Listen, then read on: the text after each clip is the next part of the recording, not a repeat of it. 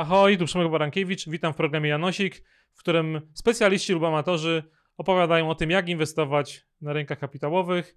Ja kieruję Finaxem w Polsce. Finax to jest słowacki robodoradca z udziałem, z udziałem w Polsce, yy, ale mam gości z różnych stron rynku i dzisiaj jest, powiedziałem o amatorach, powiedziałem o specjalistach. Dzisiaj jest specjalista, bo jest ze mną Arwin Kanchandani. Cześć Arwin. Cześć Przemek, miło mi być gościem w Twoim programie. Super, ja też, też się cieszę. Znamy się z CFA, bo oboje mamy ten tytuł, no ale nie ukrywam, że na, naszych y, słuchaczy i widzów będzie interesowało to, jak, znaczy, co robisz de facto, no i jak się dostałeś na rynek kapitałowy Polski, bo to, też może być ciekawe. Ja tylko dodam, że kierujesz w ramach Warsaw Equity Group y, całą y, działem inwestycji w klimat. I to też w sumie nas, nas trochę połączyło, bo też oboje kochamy ESG, chociaż o różnym nasileniu ta miłość, ta miłość jest, ale to jest temat na jakąś inną rozmowę. Ale powiedz nam coś o sobie i jak na tym rynku się znalazłeś. Jasne. E, ja faktycznie odpowiadam za wszystkie inwestycje związane z klimatem w Warsaw Equity Group. E, związane z klimatem, czyli inwestuję zazwyczaj w startupy, bo inwestuję na poziomie venture capital, chociaż zdarzają się też projekty private equity, czyli już trochę później, ale generalnie pracuję ze startupami na wczesnym etapie i z takimi, które e, są w stanie w jakiś sposób walczyć z zmianami klimatu.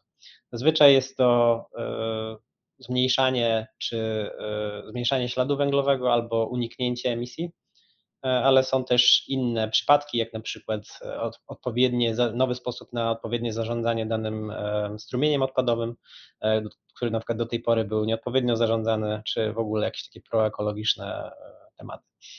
A Warsaw Equity Group to, to taki prywatny fundusz inwestycyjny, który powstał w latach 90. już w Polsce. E, mamy teraz pod zarządzanie 170 milionów euro i, i, i właśnie skupiamy się na inwestycjach e, startupy. Historycznie zrobiliśmy ponad, ponad ich 60 e, i całkiem nam to dobrze idzie. No jak to się stało, że na tym rynku się znalazłeś polskim, czy w ogóle na rynku kapitałowym szerzej? to zupełnym przypadkiem, tak szczerze. Ja z rynkiem kapitałowym nic nie miałem wspólnego przez długi czas, oprócz tego, że pamiętam jak mój ojciec z Singapuru, e, który, który miał to szczęście, że e, no miał wtedy e, przyjemność czy, czy szczęście inwestować w latach 90. w Polsce.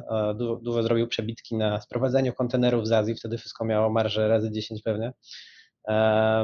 I, I, pamiętam, że inwestował w Forex wtedy, czyli y, inwestycje takie y, wymiany par walutowych.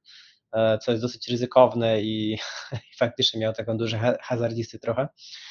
E, ale tak przez długie lata nie wiedziałem tak naprawdę, co to są rynki kapitałowe, tak zupełnie szczerze, bo miałem wychowanie e, jakby też kierunek, mój, mój background humanistyczny bardziej.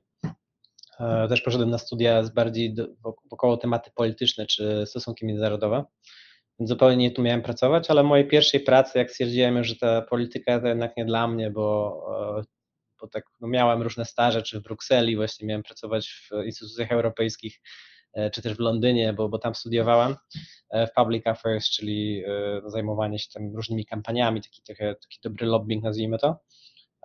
To, to odbiłem się od tego, no i poszukiwałem pracy. Ostatecznie w Londynie moją pierwszą pracą była w project managementie.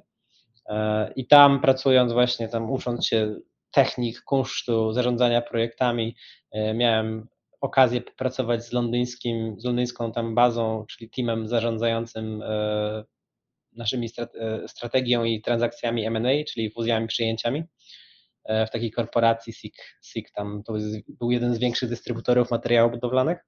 No i tak w sumie dobrze nam się pracowało, pomagałem trochę w zarządzaniu różnymi projektami, zacząłem coraz bardziej zgłębiać tajniki tego, na czym polega ich praca, spodobało mi się to i stwierdziłem, że to jest coś dla mnie i, w sumie dołączyłem do zespołu niedługo później. Udało mi się na tyle e, zrobić dobre wrażenie, a, a potem biorąc pod uwagę, że e, nie miałem edukacji takiej finansowej, no to zdecydowałem się na CFA i, i potem już jakoś poszło. To teraz pochwal się jako CFA i specjalista, z czego byś miał emeryturę swoją? Jak to mówią e, moje pokolenie, czyli milenialsi i trochę już młodsi, czyli Gen Z, Gen Alpha, który powoli dochodzi e, do, do rynku pracy, e, tej emerytury po prostu może nie być, szczególnie tutaj w Polsce, czy w ogóle nawet trochę szerzej w Europie. Tak e, jakbyśmy liczyli tylko na taką emeryturę powiedzmy, że składek, które się płaci tam z różne, przez różne instrumenty podczas swojego okresu pracy, bo faktycznie nie wygląda to dobrze. Jakby no, analizując trendy demograficzne przede wszystkim jest coraz więcej ludzi, którzy dożywają coraz dłużej. Teraz średnia życia wzrasta cały czas, oczywiście przez różne postępy w medycynie, ale też taka większa świadomość, zdrowszy tryb życia. A z drugiej strony jest coraz mniej młodych ludzi, bo też trend jest demograficzny taki, że te nowe pokolenia, o których wspomniałem, nie decydują się na dzieci. Sam jestem tego przykładem, nie mam, nie mam dzieci i w sumie nie mam takich planów. Pewnie, pewnie nie jestem jedyny i takie trendy są. E, więc pytanie po prostu, czy ten system emeryturalny, który w tym momencie mamy, e, czasami nazywany e, piramidą finansową, jest jeszcze odpowiedni na te czasy, bo z tego co rozumiem, no to on powstał za czasów Bismarcka, czyli bardzo, bardzo dawnych, jeszcze tutaj pruskie realia, jeszcze zanim Niemcy się połączyły. Więc pytanie, i, wtedy też dożywali ludzie dużo mniej, zostali faceci byli wysyłani na wojnę, często ginęli szybko i tak dalej, i tak dalej, więc jakby to wtedy miało sens pytanie, czy, czy teraz to ma sens, więc nie liczę na to zbytnio, aczkolwiek faktycznie mam trochę zaoszczędzonych pieniędzy jeszcze podczas mojej pracy z UK, e, jakaś taka emerytura jest e, brytyjska, którą będę mógł pobierać jak skończę 65 lat.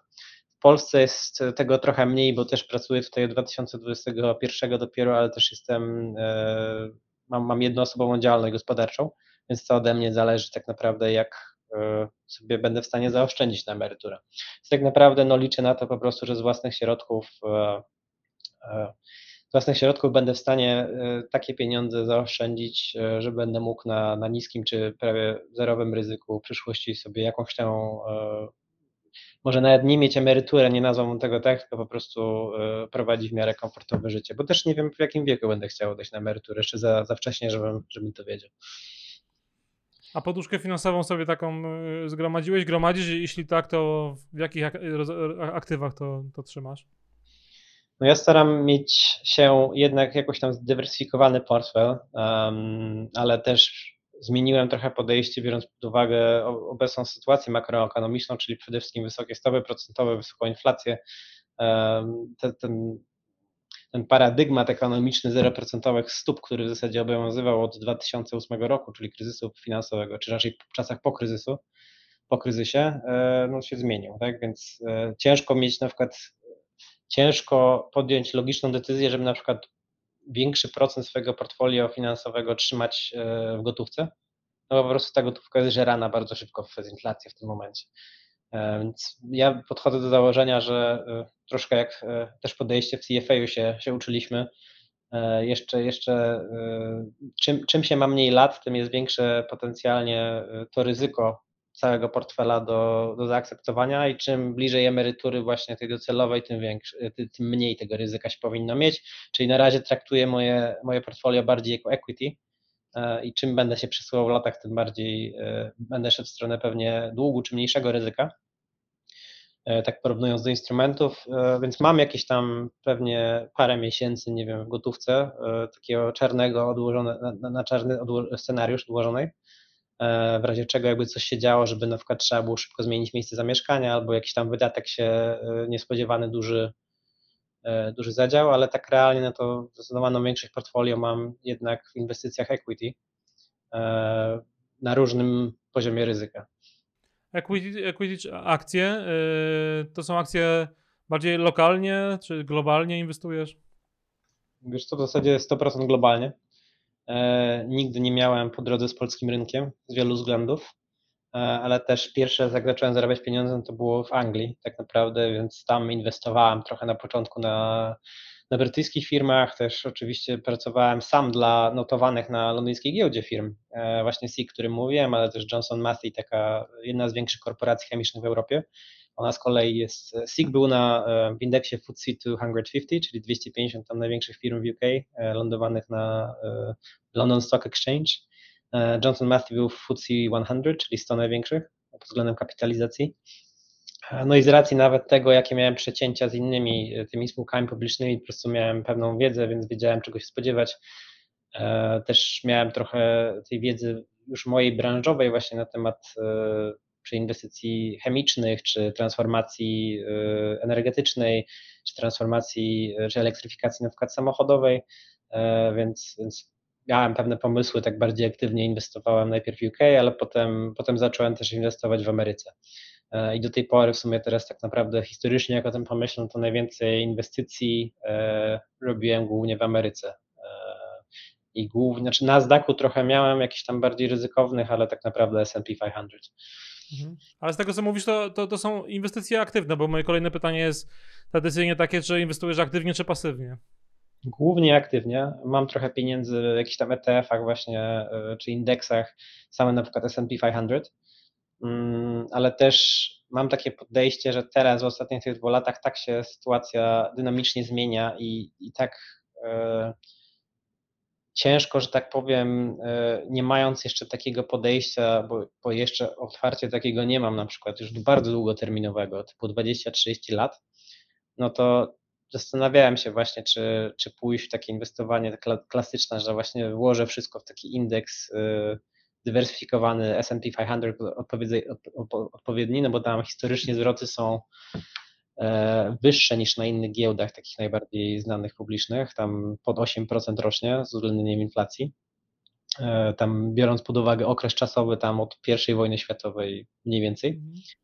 E, ale z drugiej strony to też kwestia jest tego, to nie jest tak, że w 5 lat na przykład jakbym teraz włożył, zainwestuję i na pewno będzie średnia 8% rocznie, no bo E, ważne jest, kiedy się wkłada te pieniądze, ten czas. No i teraz akurat żyjemy w takim, takim momencie, że dużo osób się spodziewa, że my możemy mieć recesję. Technicznie ta recesja nastąpiła w wielu krajach, e, czyli dwa kwartały e, ujemnego wzrostu, ale no w Ameryce jesteśmy naprawdę jest, jak, jak czytam komentatorów różnych ekonomicznych, politycznych, patrzę, co robi Fed, to to może to pójść naprawdę w różne kierunki, tak? Więc nie mam, nie mam e, kryształowej kuli, trochę mi ciężko powiedzieć, no i na razie, y, na razie trochę więcej, że tak powiem, trzymam właśnie na jakieś aktywne inwestycje, w które wierzę. No to jakbyś chciał się, wiesz, trochę bardziej na, na pasywne inwestowanie przekierunkować, to zachęcam do Finax. My oferujemy tylko globalne, pasywne portfele, a mamy teraz taką super promocję do końca czerwca, że dla każdego 500 euro do końca jego życia de facto zarządzamy za, całkowicie bez opłat za darmo, więc można sobie sprawdzić, czy, czy w ogóle to aktywne inwestowanie, bo ja też lubię aktywne inwestowanie, ale na końcu po kilku latach może być pytanie, czy, czy faktycznie ten wysiłek, który włożyłem, ta wiedza, to analizowanie wykresów, czy pobija to ślepe inwestowanie w globalny portfel akcji i obligacji, na przykład tak, tak jak oferuje Finax, więc warto spróbować i sprawdzić, czy, czy jesteś lepszy od rynku, bo większość ludzi jednak przegrywa, nawet posiadacze tytułu raczej CFA raczej też przegrywają, przegrywają z rynkiem. Zdecydowanie tak i e, no nie ma dobrego argumentu generalnie e, tak naprawdę statystycznie biorąc pod uwagę, dlaczego powinno się tylko aktywnie inwestować, no nie wygrasz, tak jak mówisz, nie wygrasz. Nie wiem jaka dokładnie jest tam statystyka, na przykład jaką podajecie, ale tam jest pod 80% z tego No nawet ponad 90%, tak, w Stan Stanach przegrywa, przegrywa z rynkiem. Tak.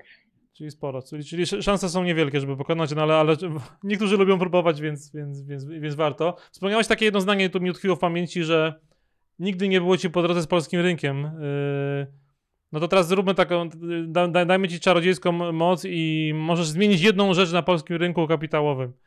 Jaka by to była rzecz? Hmm, jedną rzecz, którą bym zmienił.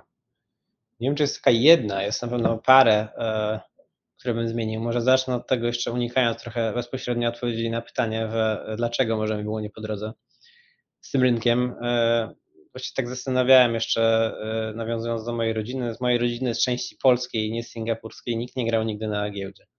I się zastanawiałem, z czego to się brało, mimo że jakieś tam pieniądze były. Mm, mi się wydaje, że jest dalej troszkę owiana e, taką nutką tajemnicy ta giełda, czy w ogóle rynek kapitałowy trochę nie ma według mnie chyba tej edukacji jeszcze, e, czy rozumiem, że tam nie wiem, w poprzednim pokoleniu, z 20 lat temu e, w ogóle giełda polska była bardzo mała, więc wiadomo, że jakby miała pewnie profil zwrotu do ryzyka troszkę taki jak no, właśnie rozwijające się dopiero kraje, duże, duże ryzyko, potencjalnie duże zwroty, ale też dużo otopionych pieniędzy. Mm, pewnie ludzie, jak już inwestowali w coś, to były bardziej rynki dłużne, czyli obligacje, wtedy na długu też można było przez długi czas dużo zarobić, biorąc pod uwagę też wysoką inflację, szczególnie w Polsce, czy, czy, czy ogólną zmianę gospodarczą. E, ale też brakowało, z mojej perspektywy też brakuje jakościowych spółek tak naprawdę. No mamy, mamy dwa główne rynki. E, na New Connectie, tym mniejszym, mm, często wolumeny są tak małe, że nawet próbując podejść tak e, z pełną dywersyfikacją, czy, czy bardziej profesjonalnie, patrząc na, na różne mierniki, e, takie, na które się patrzy przy inwestycjach, no to ciężko to do tego często odnieść, dlatego że na przykład nawet robiąc e, tutaj transakcje na jakieś tam, nie wiem, 20-30 tysięcy złotych, czasem się odpowiada za większość wolumenu podczas dnia i można ten, tutaj cenę akcji skrzywić, mm, więc ciężko, że tak powiem, tak świadomie być w stanie na przykład inwestować, jak chce się wspierać jakąś tam polską myśl technologiczną, spółki, które są jeszcze dosyć wcześnie, ale są już na niekonekcie, tak realnie ciężko to wspierać. Nie? A problemem jest też to, że jest mało IPO, w tym momencie nie jest to popularne. Mm. Wiadomo, że większość e, wielorybów, czyli tych, co robią większość kapitalizacji na tym polskim rynku, to są też spółki zależne od skarbu państwa. E, to też jest powód, dla którego nie inwestuję, bo, bo jest ryzyko polityczne, no i e, po prostu unikam takich tematów totalnie. Nie, nie, nie, tak powiem, no jest to ryzyko, że nie będą zawsze dokładnie robiły to, czego oczekują akcjonariusze, czy ich większość. A, a jedną rzecz, tak już podsumowując, e, co bym zmienił, to właśnie szereg rzeczy musiałoby się zmienić, żeby do tego dojść, ale tak docelowo po prostu ten e, profil zwrotu do ryzyka. Bo dlaczego inwestuję w w Nasdaq? Jakbym chciał pasywnie inwestować, to mając ten długoterminowy horyzont inwestycyjny, czyli takie 20, 30 albo więcej lat, to faktycznie ta średnia no jest bardzo, bardzo stabilna. Czyli tak jak mówiłem, tam pod, pod 8% rocznie zwrotu średnio z uwzględnieniem inflacji. I oczywiście doliczając odsetki do tego. Eee, nie odsetki, tylko dywidendy, które mhm. generują te inwestycje. Więc e, jakby polskie tutaj giełdy nie mają jak z tym się porównywać, więc nie ma, nie ma dla mnie sensu, że tak powiem, tutaj lokowanie tych pieniędzy. A jakbym chciał aktywnie, no to też mam, ja przynajmniej personalnie mam taką smykałkę, że nie lubię może robić technicznej analizy, czyli analizować właśnie wykresów, czy tam robić sobie te kreski wszystkie, e, patrzeć, patrzeć na trendy aż tak bardzo, oczywiście czasem to robię, ale y, wolę zrobić głębszy research na przykład danej technologii, tak, czy jakichś trendach, które mogą e, faktycznie zmienić świat, czy, czy ludzie będą w to inwestować w kolejnych latach. No, było dużo takich przykładów, tak? E, był rynek na przykład ostatnio druku 3D, czy kryptowalut, czy, czy NFTs, teraz jest hype na AI. E, ważne, żeby zrozumieć Fed trochę tym takim hypem, jak dojdzie to do, do, do każdej osoby na świecie. Teraz każdy rozumie, że AI na przykład no, będzie przyszłością, żeby trochę to wcześniej właśnie zrozumieć i móc wcześniej się usadowić na tym, nie? Tak jako, jako przykład. Jest też takich firm na polskiej giełdzie, które realnie mają super nowe technologie, które y, warto wspierać, a jednocześnie przy tym na przykład ludzi, którzy, bo to też jest ważny ten aspekt ludzi, ludzi w, w zarządzie, którzy na przykład mają już w swoim historii taki track record e, robienia takich projektów, jest bardzo mało, czy prawie w ogóle nie ma, nie? Więc jakby zdecydowanie wolę y, postawić na Amerykę, gdzie ta innowacja e, jest, jest wspierana w sposób dużo bardziej systemowy, ale to już jest temat na, na długą, pewnie mhm. kolejną rozmowę. No to ciekawy, ciekawy, ciekawy temat. Y, jak Wam się podoba, to w ogóle dawajcie kciuki w górę. Jakby, mamy taki, taką umowę z Arwidem, że jak będzie dużo tych kciuków, to może nawet jakiś wspólny temat, wspólny podcast wymyślimy, bo też to, to inwestowanie ESG ale na, na, na nim się dzisiaj nie skupiamy w ogóle, też jest nam bardzo bliskie, więc, więc może coś tutaj w tym temacie, w tym temacie wymyślimy. Ale moje, moje pytanie standardowe, które najbardziej lubię, to jest pytanie o błąd inwestycyjny, który popełniłeś i który, z którym byś się chciał podzielić ze świata. Jasne. Na pewno tych błędów trochę było, szczególnie, że y, inwestuję aktywnie, aczkolwiek y, było też parę czy sporo zwycięstw, więc y, na, na razie się nie zniechęciłem jeszcze. Co do błędu, to największy chyba, który miałem, to było to, że w 2013, jak jeszcze byłem studentem, który y, no, nie posiadał y, dużo zasobów inwestycyjnych, y, w sumie trochę tak poczytałem i zdecydowałem się zainwestować w bitcoiny, które wtedy, o których wtedy słyszał może, nie wiem, jakiś bardzo mały promil populacji. Jeszcze nie było wszędzie artykułów o tym, jaki jest krypto, nie było influencerów na YouTube czy TikToku, mm. który mówił, dlaczego warto inwestować w krypto, tylko był po prostu Bitcoin, nic więcej, jeszcze nie było Ethereum. I wtedy mnie to kosztowało 150 dolarów za Bitcoina. Kupiłem wtedy chyba 4 czy 5, już nie pamiętam tych bitcoinów. E, I dosłownie po miesiącu czy dwóch ta cena wzrosła do 450 dolarów. Pamiętam, że miałem taki cel właśnie, żeby zarobić tam z trzy razy na tym. Miałem wrzucić to tam, nie wiem, 600 dolarów, czy ile wrzuciłem, e, co było dla mnie wtedy całkiem sporo, ale e, no nie, umówmy się, że nie aż tak bardzo dużo. I, i, zapomnieć trochę o tych pieniądzach, no ale przez to, że tak szybko wzrósł Bitcoin, czym trzy razy i osiągnąłem ten swój cel, no to, to, się, to, to już wypłaciłem sobie te pieniądze. E, i byłem super szczęśliwy i tam pojechałem na jakieś wakacje i w ogóle, ale e, ostatecznie, ostatecznie oczywiście jakbym zachował te bitcoiny, no to pewnie e, mógłbym sobie kupić mieszkanie w Warszawie. Jakbym Kawalerkę, tak, w Warszawie. Nawet, nawet teraz mógłbym całkiem, całkiem dobrze je spieniężyć, ale też była kwestia wtedy, takie miałem podejście, że to równie dobrze może szybko zaraz upaść i że w ogóle trzy razy sobie na tym zwróciłem, było super, co potem też czułem, że to była dobra decyzja, bo jak wyglądałem nawet teraz przed naszym podcastem e, ten wykres ceny, jak się zachowywała, to faktycznie wtedy tam po 2013 kawałek, tam chyba 2014 początek, doszła ta cena tam do około, nie wiem, pod 1000 dolarów i to było takie wow, pierwszy raz w sumie wtedy e, tak pojawiły się jakieś artykuły trochę bardziej popularno, popularnej prasie E, ale potem przez długi czas ten Bitcoin był tam poniżej 500 dolarów, jakiś tam spadł znowu wtedy na 100 czy tam 200, więc y, dopiero za parę lat tak się zaczął odbijać i te swoje szczyty, szczyty robić, więc jakby przez długi czas miałem poczucie, że zajebiście, przepraszam, super zrobiłem, że, e, że sprzedałem. Super, super, miałem przez wiele lat poczucie, że super zrobiłem, że sprzedałem te e, bitcoiny, ale oczywiście z perspektywy obecnej może nie była to najlepsza decyzja. Czyli rada jest taka, żeby za wcześnie zysków nie realizować.